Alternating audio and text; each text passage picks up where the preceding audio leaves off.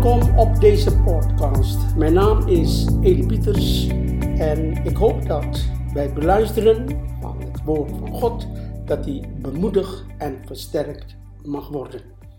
Lieve mensen, Gods woord ligt open bij de openbaring van Jezus Christus aan zijn dienstknecht, de apostel Johannes.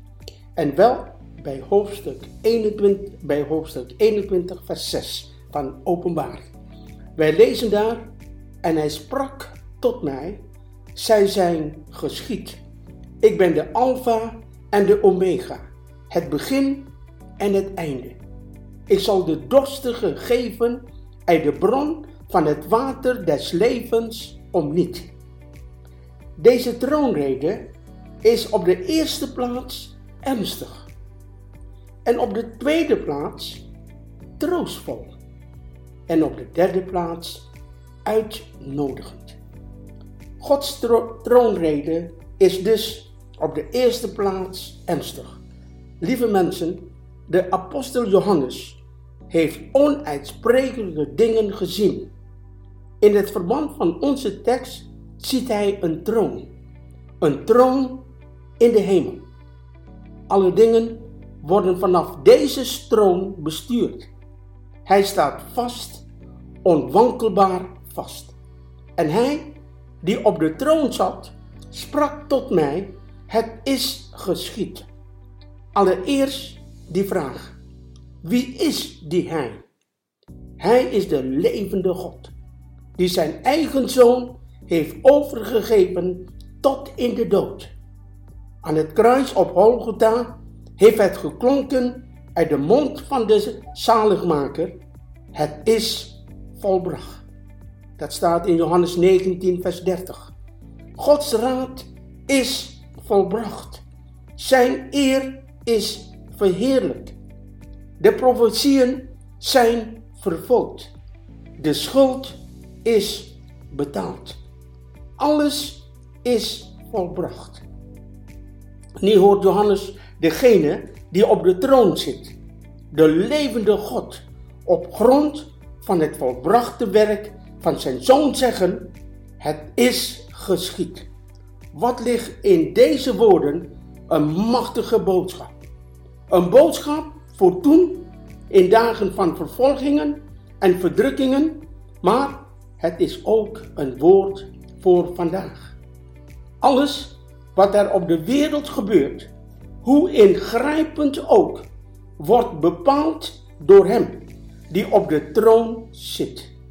Als het gaat over Gods regering, hoe onbegrijpelijk ook in uw persoonlijk leven, in uw huiselijk leven, maar ook binnen Gods gemeente, Hij die op de troon zit, staat boven alles. Het loopt hem niet uit de hand. God regeert. Het is geschied. Deze woorden willen zeggen: het is voorbij. Het is af.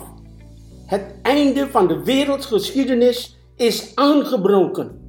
Het getal van de uitverkorenen is vol. De laatste is toegebracht. Het is vervuld. Dat houdt ook in, de maat is vol gezondig. De genadetijd is voorbij. Jezus Christus komt met de wolken. Alle oog zal hem zien. Het is vervuld. In dat licht moeten we ons leven zien of leren zien. In dat licht moet u ook dit woord zien. Het is vervuld. En dat kan veel dichterbij zijn dan u denkt. Dit woord zal uw laatste woord kunnen zijn. En hoe zal het dan met u zijn? Hoe nodig is het dat Gods geest u stilzet op uw levensweg? Uw blinde ogen moeten opengaan. U moet een goddelijk hand worden toegeroepen.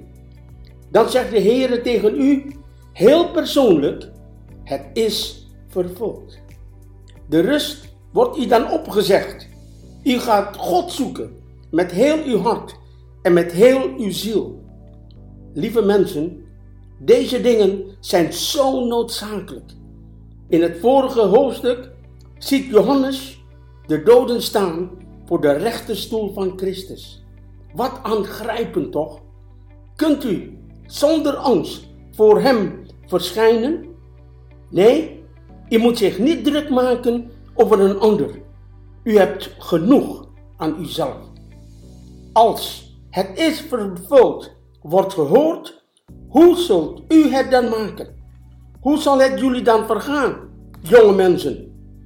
Hoe heb je de genadetijd die de Heere je geeft gebruikt? Wat hebben wij gedaan met de prediking van het woord van God? Denk toch na. Wij kunnen ons leven nooit meer overdoen. Ga op uw knieën, vandaag nog. Vraag God om zijn genade. U kunt het niet uitstellen.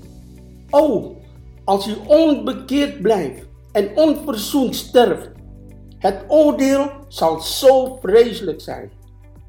Johannes beschrijft het. Dan zullen ze roepen tot de bergen en tot de heuvelen. Valt op ons en verberg ons voor het aangezicht van hem die gezeten is op de troon en voor de toren van het lam. En er staat in openbaring 6 vers 16.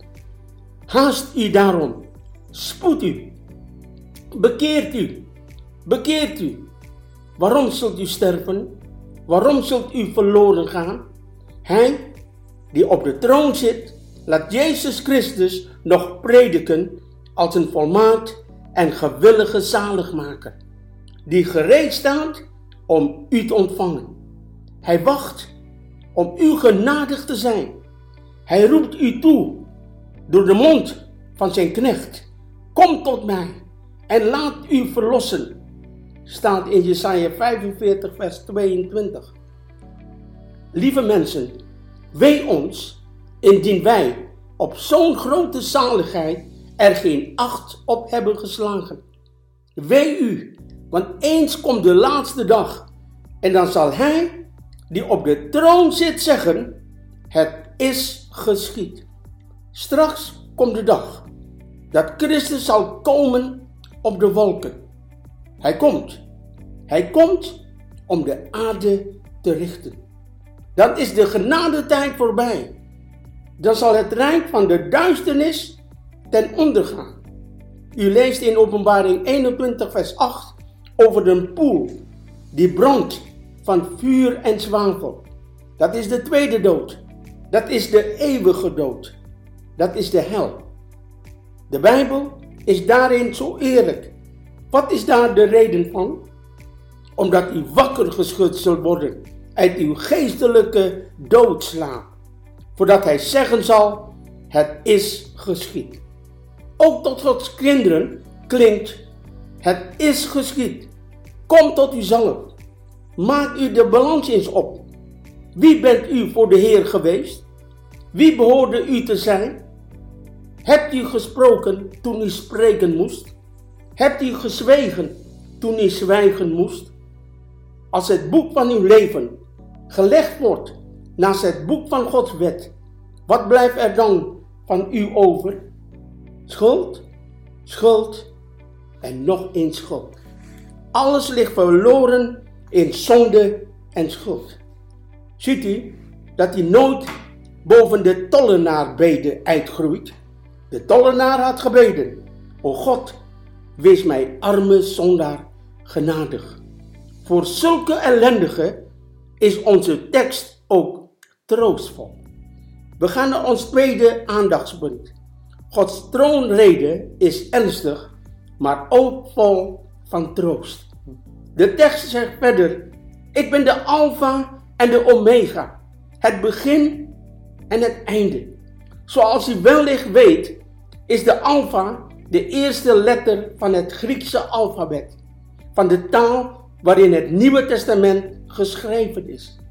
De Omega is de laatste letter van het Griekse alfabet. We zouden kunnen zeggen de A en de Z. Die beide letters omvatten heel het alfabet.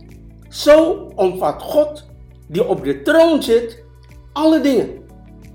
Hij omvat heel de geschiedenis. Hij omvat de tijd. Hij is de eeuwige. Bij hem is geen verandering. Bij hem is geen vergankelijkheid. Hij is de Alpha, het begin. Hij is de Omega, het einde. Hij is de onveranderlijke en getrouwe. Hij heeft zich aan Mozes bekendgemaakt met zijn heerlijke naam. Ik ben die ik ben. En dat staat in Exodus 3, vers 14. Wie ik vroeger was, zegt God, ben ik nu nog en zal ook altijd blijven. Ik ben de onveranderlijke in mijn liefde en in mijn trouw. Lieve mensen, hij is ook de Omega, de laatste, het einde. Straks komt voor God volk de dood, de laatste dag. Dan zal het klinken, het is vervuld. O, die dood, de koning der verschrikking, de laatste vijand. Maar hij, die de eerste was in een leven, zal ook de laatste zijn in een leven. Gemeente van Jezus Christus. Hij die aan het begin stond, zal ook straks aan uw einde staan. Hij zal u brengen in het land van de zalige rust, waar hij al uw tranen van uw ogen zal afwissen. Wat is dit een vertroostend woord voor schuldige zondaren, die als de boeken opengaan alleen maar schuld overhouden. Hij is de getrouwe, de Alpha en de Omega, de rots der eeuwen, die nooit zal wankelen. Hij zegt, want ik ben niet veranderd en daarom bent u nog niet tot de laatste man uitgeroeid, want ik blijf altijd genade bewijzen. In de aardse strijd en aanvechtingen, wanneer het hart beeft, roept hij zijn gemeente toe met zijn goddelijke verzekering, want bergen mogen wijken en heuvelen wankelen, maar mijn goede tierenheid zal van u niet wijken en mijn vredesverbond zal niet wankelen, zegt uw ontfermer de Heere. En er staat in Jesaja 54, vers 10. Lieve mensen, de Heer Jezus Christus ziet terug op uw leven. Tot op dit ogenblik. Wat was uw ontrouw? Keer op keer.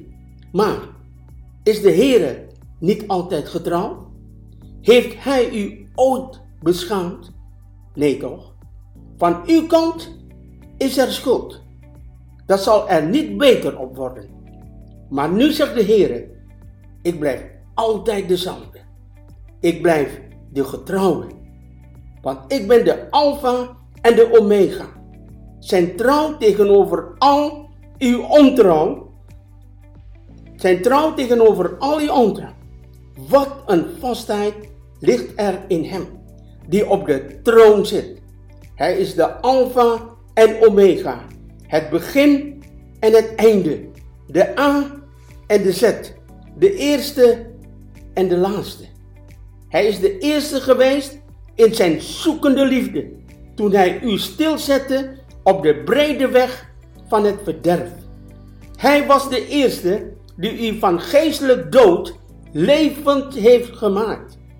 Ja, vanuit de stilte van de eeuwigheid was hij al de eerste. Jeremia zegt, ik heb u lief gehad met een eeuwige liefde.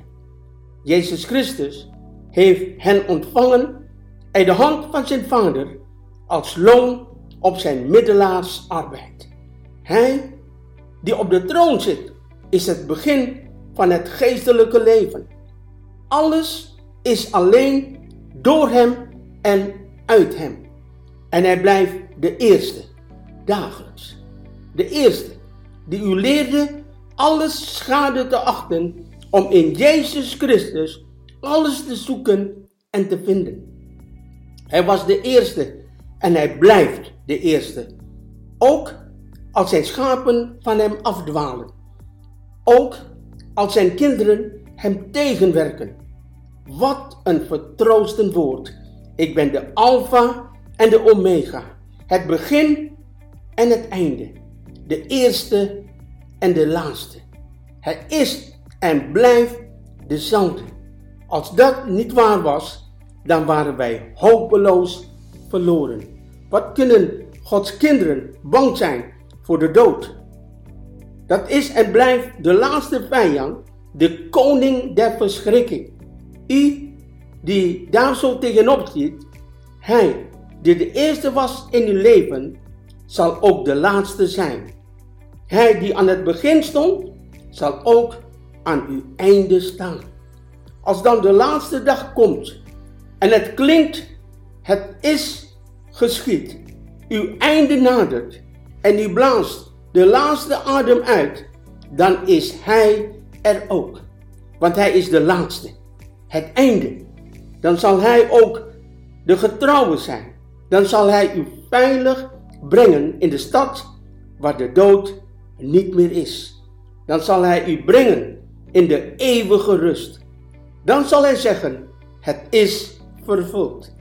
Komt in, in de eeuwige vreugde van het nieuwe Jeruzalem. We gaan naar onze derde gedachte. Lieve mensen, het thema van het woord is Gods troonrede. We hebben overdacht dat deze troonrede ernstig is en ook trootvol. Ten derde is Gods troonrede uitnodigend. Johannes hoort degene die op de troon zit zeggen: Ik zal de dorstige geven uit de bron van het water des levens om niet. Ik zal de grote, ik zal, de grote ik staat hier voorop. Ik zal geven. Nee, het gaat er niet om wat u zelf neemt of pakt, of u zelf aan laat praten door anderen. Dat loopt uit op een grote teleurstelling. Het zal erom gaan wat u ontvangt, uit louter genade om Jezus wil. Het gaat erom wat de grote ik u geeft. U moet hebben van wat u gegeven wordt. Altijd maar weer, ik zal geven. Het is enkel genade. Het is niet uit u. Het is Gods gave. Het is genade. Door Jezus Christus verdiend. Daarom zegt hij, die op de troon zit, ik zal geven. Zondaren worden zalig uit enkel genade. Voor niets. Gratis. Genade. Om niet. Dat staat er. Het zegt dat het voor u mogelijk is, zelfs voor de grootste zondaar. Vreselijk als u daaraan voorbij gaat. Als u genade nodig hebt, weet u van schuld. Genade staat tegenover schuld. U bent en blijft schuldig in uzelf. God geeft aan schuldigen. Doden dorsten niet, levenden dorsten. Wat geeft hij dan? Water des levens uit de fontein. Een fontein, het is een beeld uit het oosterse leven. Een mens heeft water nodig om te drinken. Water is leven. Als er geen water is, sterft u van de dorst. God zelf is de fontein des levens. Hij heeft degenen die dorsten naar hem. Hij geeft degenen die dorsten naar hem te drinken. Dat water is leven. Alles daarbuiten is de dood. Ik heb de fontein van het leven verlaten. Ik lig in de diepten van mijn verschrikkelijke verlorenheid. Ik moet van dorst omkomen om eigen schuld. Dat ervaart hij ook. Het is mijn schuld. Toch kan ik God niet meer missen. Dan verstaat u David in Psalm 42, vers 2. Mijn ziel dorst naar God, naar de levende God. En deze God, die op de, die op de troon zit en de levensbron is, geeft water aan de dorstige. Kent u dit dorsten naar de Heere? Schreeuwt uw hart naar de levende God? Weet u wat hij dan ook leert? Dat God rechtvaardig is als hij nooit meer naar u omziet. Maar toch zegt hij, die op de troon zit, ik, de Alpha en de Omega, het begin en het einde, de God die niet liegen kan, zal de dorstige geven uit de fontein van het water des levens om niet. Ik laat die niet omkomen. Ik zal komen op mijn tijd. Het kan niet anders. Het is zijn eigen woord. Hij zelf heeft door zijn geest deze dorst bewerkt. Hij maakt harten hongerig en dan verrijkt hij ze overvloedig. Ik zal de dorstige geven uit de fontein van het water des levens. Dat is nu alleen mogelijk omdat Gods Zoon, Jezus Christus, op Golgotha zeide, mij dorst. Opdat dorstigen eeuwig zouden drinken. Hij zal dorstigen te drinken geven van de wateren van zijn genade. Uw dorst wordt gelest als u met een geloofsoog buiten uzelf ziet op Jezus Christus, de zaligmaker van zondaren, die ook uw zaligmaker is. U drinkt als God zich in zijn Zoon zichzelf gaf aan uw schuldige hart. Dan ontvangt u een voorsmaak van de eeuwige vreugde. En als de voorsmaak al zo zoet is, wat zal hij dan straks zijn als hij zich voor eeuwig mag gaan verlustigen in hem, die uw liefste is? Dan zal hij opnieuw op zijn troon zitten. Dan klinkt opnieuw, het is geschied. Dan zal het nieuwe Jeruzalem neerdalen als een bruid, versierd voor haar man. O, wat zal dat heerlijk zijn! Onuitsprekelijk heerlijk, goed en zalig, eeuwig volmaakt, drinken uit de fontein van het water des levens om niet. Lieve mensen, we slijten af. Arme, arme zondaren worden zalig. Uit enkel genade. Voor niets. Gratis. Zelfs die ene zucht van u hoeft er niet meer bij. Wat een ruimte ligt er dan in Gods welbehagen. Wat een ruimte ligt er in Zijn genade. Als er van u nog iets bij zou moeten, was het voor eeuwig hopeloos. Maar dat kan niet. Dat mag niet en dat hoeft ook niet. Want het is genade. Loutere genade. Het ogenblik waarop de Heere zeggen zal, het is vervuld, kan zo dichtbij zijn.